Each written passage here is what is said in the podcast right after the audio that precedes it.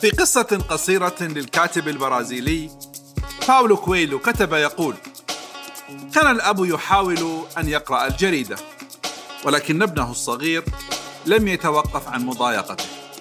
وحين تعب الأب من ابنه، قام بقطع ورقة في الصحيفة كانت تحوي على خريطة العالم، ومزقها إلى أجزاء صغيرة، وقدمها إلى ابنه.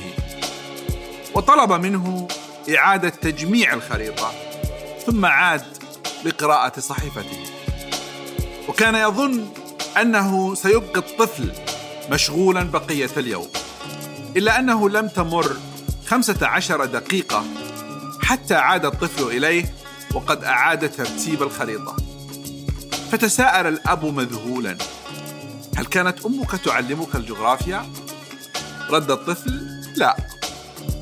لكن كانت هناك صورة لإنسان على الوجه الآخر من الورقة. وعندما أعدت بناء الإنسان أعدت بناء العالم أيضا.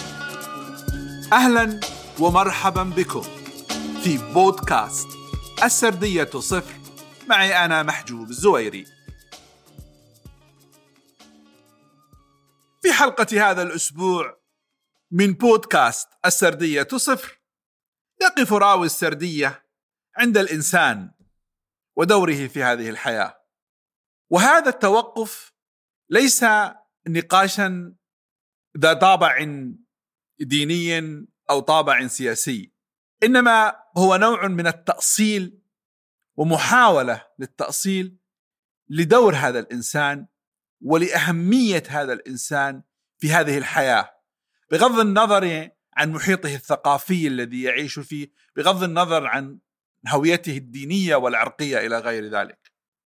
فالذي يبدو واضحا من التجربة البشرية أن الإنسان وجد لغاية وهذه الغاية يعبر عنها بإجماع الأديان على أنها إعمار الأرض. وفكرة الإعمار تجعل السؤال الأساسي للإنسان والبوصلة التي تحكم حركته هي أنه يريد ويجب عليه أن يساهم في صناعة الحياة. هذه الصناعة وهذا التشكيل هو يساهم في جزء لا بأس منه ولكن ليس كل هذا الدور منوط بالإنسان، فهناك وسائل تسخر للإنسان وتكون طواعية تساعده وتعينه في تحقيق ما يجب أن يتحقق وذلك خدمة للإنسان. لذلك عبر آلاف السنوات من التاريخ وفي مجتمعات مختلفة الألوان والثقافات والأديان كلما طرح سؤال التغيير كلما طرح سؤال التجديد كلما طرح سؤال التخريب كان دائما الجواب يأتي عن دور الإنسان فالإنسان الذي نعرف في ثقافتنا العربية الإسلامية أنه خليفة الله في الأرض وهو أمر لا تختلف عليه الديانات الأخرى ولا حتى الاعتقادات الموجودة في مجتمعات أخرى على جوهرية وجود الإنسان وأهمية وجود الإنسان في عملية التغيير في هذه الحياة. فاقتراح التغيير وضع أدوات التغيير تقوم عبر الإنسان. قيادة التغيير تقوم عبر الإنسان. إدارة التغيير تقوم عبر الإنسان. منع التغيير يقوم عبر الإنسان. العمل على إفساد الأرض يقوم عبر الإنسان. العمل على إشاعة القيم الإيجابية من فعل الإنسان. العمل على إشاعة القيم غير الإيجابية هو من فعل الإنسان. ولذلك هذه الخلاصة البسيطة في قصة الكاتب البرازيلي أنه إذا أعيد بناء الإنسان أعيد بناء العالم هي خلاصة مهمة تقدم بطريقة أدبية لكنها تعيد السؤال الأساسي عن أهمية هذا الإنسان عظم مسؤولية هذا الإنسان. ولذلك في العلوم الاجتماعية والإنسانية هناك أكثر من علم معنية بالإنسان انثروبولوجي معنية بالإنسان. علم الاجتماع معني بالإنسان علم النفس معني بالإنسان. هذه تحاول أن ترصد الإنسان ترصد حركته طريقة تفكيره كيف يتعامل كيف يفكر تفاعلاته النفسية تفاعلاته الاجتماعية. كل هذه العلوم لو لم يكن هذا الإنسان مهما وفاعلا ومؤثرا وقادرا على إحداث كثير من الأمور إيجابيها وسلبيها بغض النظر عن هويته والتقييم القيمي لها لكنه هو الإنسان من هنا يأتي السؤال الأساسي كيف يصنف الإنسان نفسه وأين يريد أن يضع نفسه في هذه الحياة؟ ما هي المكانة التي يريد الإنسان أن يرتضيها لنفسه وأن يجعلها في ذاكرة الأجيال الأخرى؟ ودائما عندما يقال إعادة بناء الإنسان هي ليست إعادة بناء فردية مهما كان هذا الجهد فردي فانعكاساته أيضا ذات طابع جماعي لذلك إذا كان هناك قدرة على إعادة بناء إنسان هذا الإنسان يمكن أن يبني انسانا آخر والآخر يمكن أن يبني آخر وبالتالي تتوسع قاعدة بناء الإنسان وبالتالي تتوقع إيجابية أكبر، تتوقع بناء أكثر، تتوقع جانبا ايجابيا في المجتمع أكثر. وفي المقابل إذا زاد تواجد تلك الفئة من الناس التي تعمل على النقيض من ذلك فعلى المجتمع أن يكون قلقا على منظومته كلها سواء كانت المنظومة الاجتماعية المنظومة القيمية كلها. من هنا الحديث عن دوره في الحياة كلما زادت الأمور خطورة في حياة الناس ينبغي دائما استعادة هذا السؤال. ما هي مسؤولية الفرد؟ كيف يمكن أن يمارس هذه المسؤولية؟ في ظل واقع مثل الواقع الذي يعيشه العالم الآن مثلا في زمن الجائحة النقاش الذي يجري في العالم الآن حول مسؤولية الأفراد في منع الجائحة. العالم يحاول إعادة بناء إنسان يستطيع أن يساعد في الحيلولة دون انتشار الوباء والوقوف أمامه وليس هنالك من سبيل فعال الآن قبل وجود علاج أو أو لقاح من أن تعيد تشكيل الإنسان بحيث يصبح هو الوسيلة الأقوى في مواجهة الوباء والتعامل معه. لذلك نجد كل الإجراءات في العالم تركز على سلوك الإنسان. ولكم أن ترون من وضع الماسك من التباعد الاجتماعي وقس على ذلك. جوهر هذه الإجراءات هو الإنسان هو سلوك الإنسان.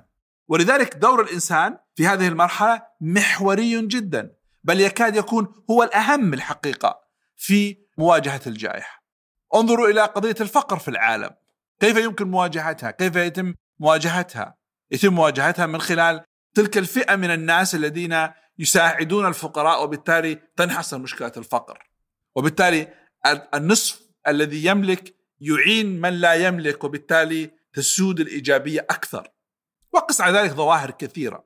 لذلك ينبغي دائما التذكير بدور الإنسان بغض النظر عن مكانته، تذكيره بماهية وجوده ووظيفته في الحياة. ينبغي أن لا يكون الإنسان وأن يكون مجال تأثيره ضيق أو لا تأثير له. وفي المناسبة ليس هناك إنسان بلا عناصر إيجابية في شخصيته. لا ينبغي اليأس والقول أنا ليس لدي شيء.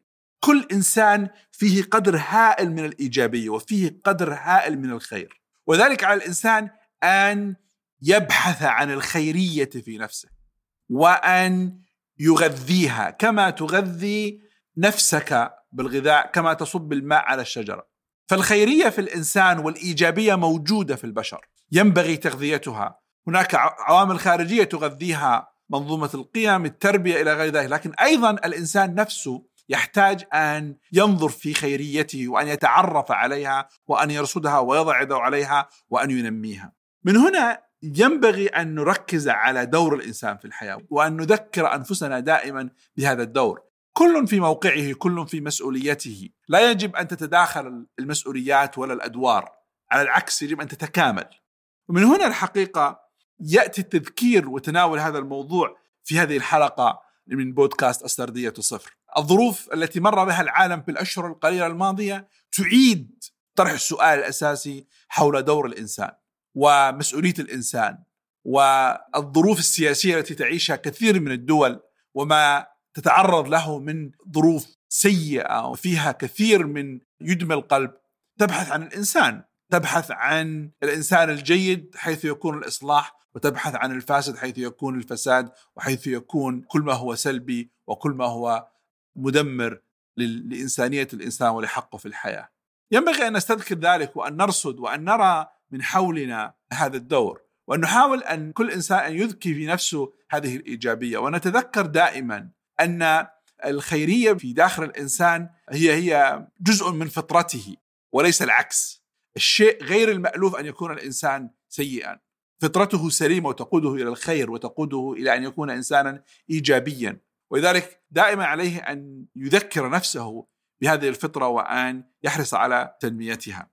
في عالم مضطرب سياسيا، في عالم مضطرب اقتصاديا، في عالم مضطرب اجتماعيا، في عالم يعيش جائحة لم تبقي ولم تذر ولا يبدو أن آثارها ستختفي بسرعة، لا مناص للبشرية من أن تعود إلى التركيز على دور الإنسان. فكل الأدوات وحدها لا تحل المشكلة ولا يمكن مواجهتها. تعاطف البشر يحل مشكلة الفقر تعاطف البشر يمكن أن يساعد المرضى. تعاطف البشر مع بعضهم يمكن أن يحل مشاكل كثير من الناس غير المتعلمين. تعاطف البشر يمكن أن يوفر مأوى لكثير من ممن ليس لهم مأوى. تعاطف البشر مع بعضهم البعض يمكن أن يؤدي إلى معالجه كثيرين ممن لا يملكون حق العلاج. وقس على ذلك الكثير. الإنسان جوهر الحياة جوهر البناء ولكنه للأسف قد يكون في نفس الوقت عاملا سلبيا يقود إلى دمارها. فليختر كل إنسان في أي مساحة يريد أن يكون وفي أي مكانة يريد أن يكون وفي أي قسم من التاريخ يريد أن يكون وان يذكر. موقف الإنسان في هذه الحياة وتلك المكانة التي يرتضيها لنفسه هي قضية في غاية الأهمية كما أن هذا الدور الذي يقوم به الإنسان والمناط به هو يستند بشكل أساسي إلى ذات الإنسان. ولذلك لا يمكن للإنسان أن يبقى يتمنى أن تحصل المعجزات. فالله عز وجل ذكر في القرآن الكريم إن الله لا يغير ما بقوم حتى يغيروا ما بأنفسهم. على أمل اللقاء بكم في الحلقة القادمة دمتم بخير وحفظ الله الجميع.